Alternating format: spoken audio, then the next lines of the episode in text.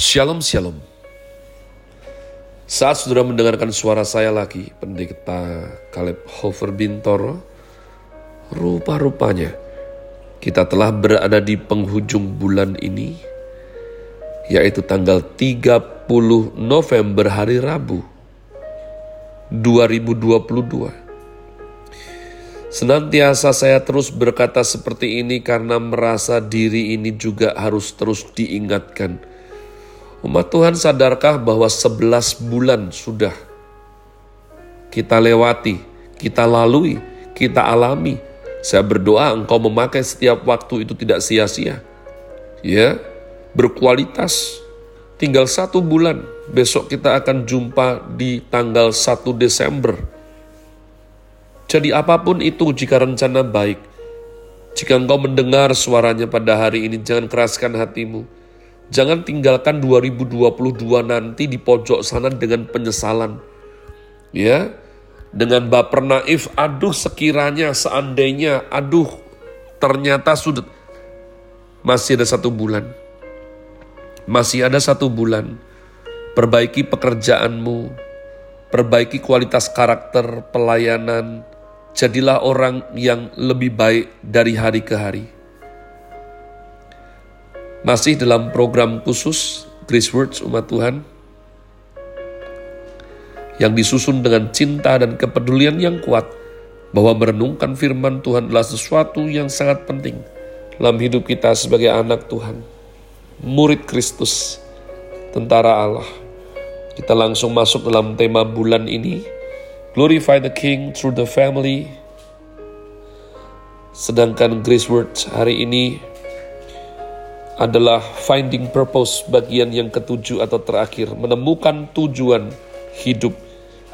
Hidup dalam tujuan, tujuan dalam hidup bagian yang terakhir. Mari bergegas kita menuju Efesus 5 ayat yang ke-17. Sebab itu janganlah kamu bodoh, tetapi usahakanlah supaya kamu mengerti kehendak Tuhan. Usahakanlah supaya kamu mengerti kehendak Tuhan janganlah kamu bodoh.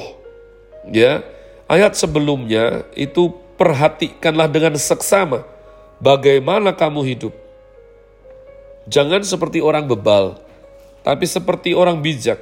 Dan pergunakanlah waktu yang ada karena hari-hari ini adalah jahat. Sebab itu, nah umat Tuhan kita itu harus curious. Kalau ada karena itu, sebab itu, maka kita harus baca ayat sebelumnya.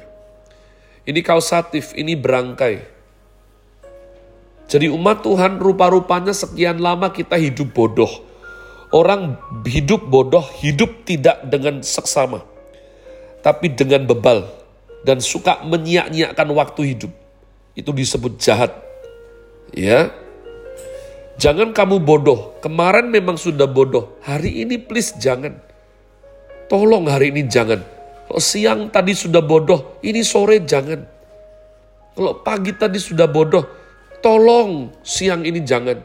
Aduh kemarin terlanjur bodoh, hari ini jangan kamu bodoh. Usahakanlah. Gak gampang, harus usaha. Supaya apa? Ngerti. Supaya ngerti kehendak Tuhan. Nah umat Tuhan kemarin sudah kita sampaikan dan kita berproses bagaimana untuk kita memahami kehendak Tuhan, bagaimana ada koridor-koridor ya bingkai sehingga kita boleh ada dan mengerti bahwa kita ada dalam kehendak Tuhan. Yang pertama sudah disampaikan, aku boleh berbuat segala sesuatu tetapi harus memuliakan Allah. Ini diberikan karena tidak secara detail umat Tuhan ya Alkitab kita itu menulis tapi juga bukan lalu tidak tidak ada prinsip yang berlaku juga tidak. Jadi untuk membatasi keliaran daripada orang-orang sok pintar atau maaf bahasa positifnya adalah free thinker. Ya, Tuhan tidak membahas apa pun mengenai pil penenang, berarti pil penenang boleh. Ya.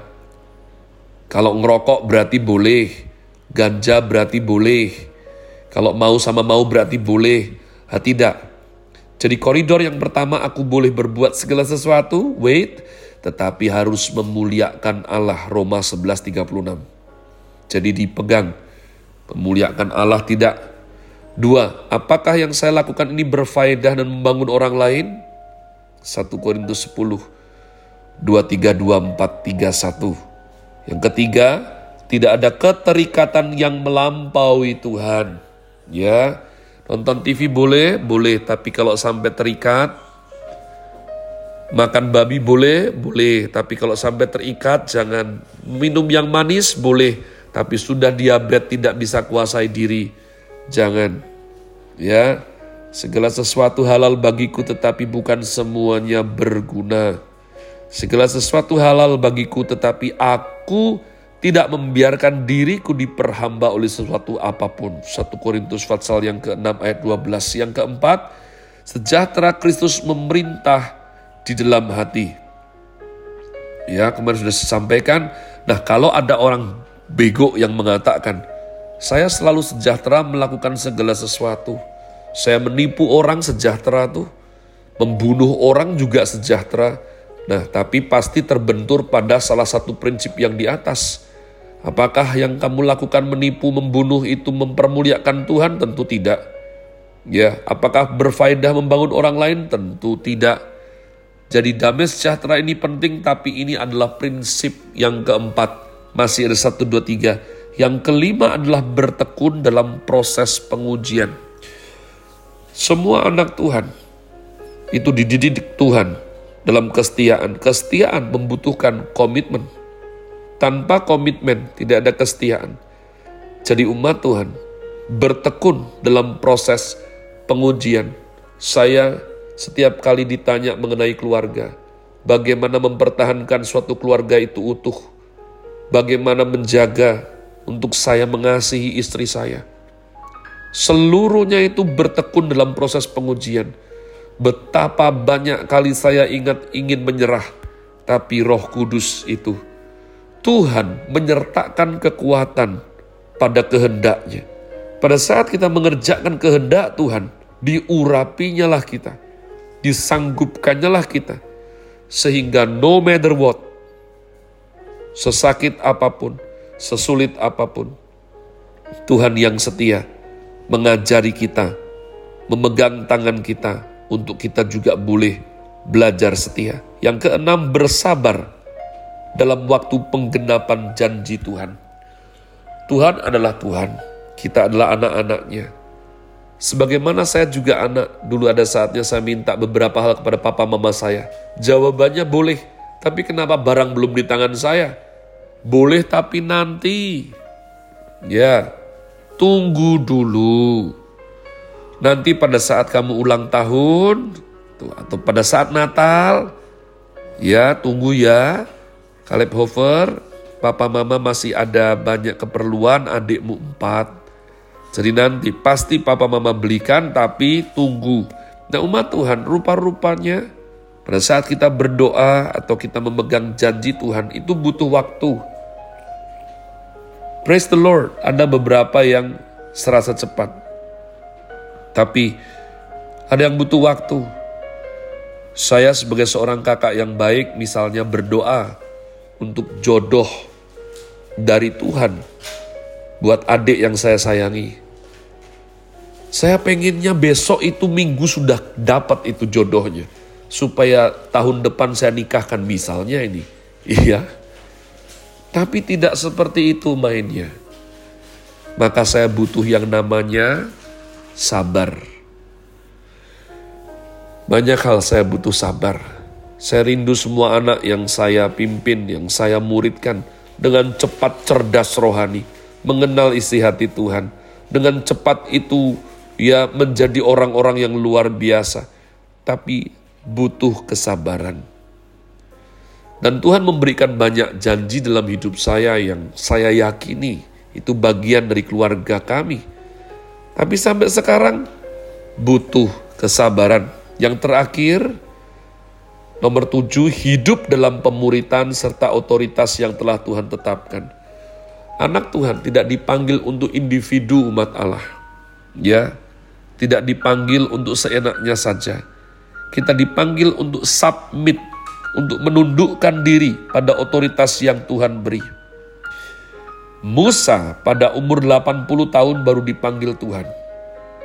Hal tersebut tidak berarti ia menghamburkan waktu selama 80 tahun. Tetapi 40 tahun berikutnya yang dijalani dalam hidupnya, ia pakai untuk melayani Tuhan dengan matang, tanpa melakukan kesalahan yang besar.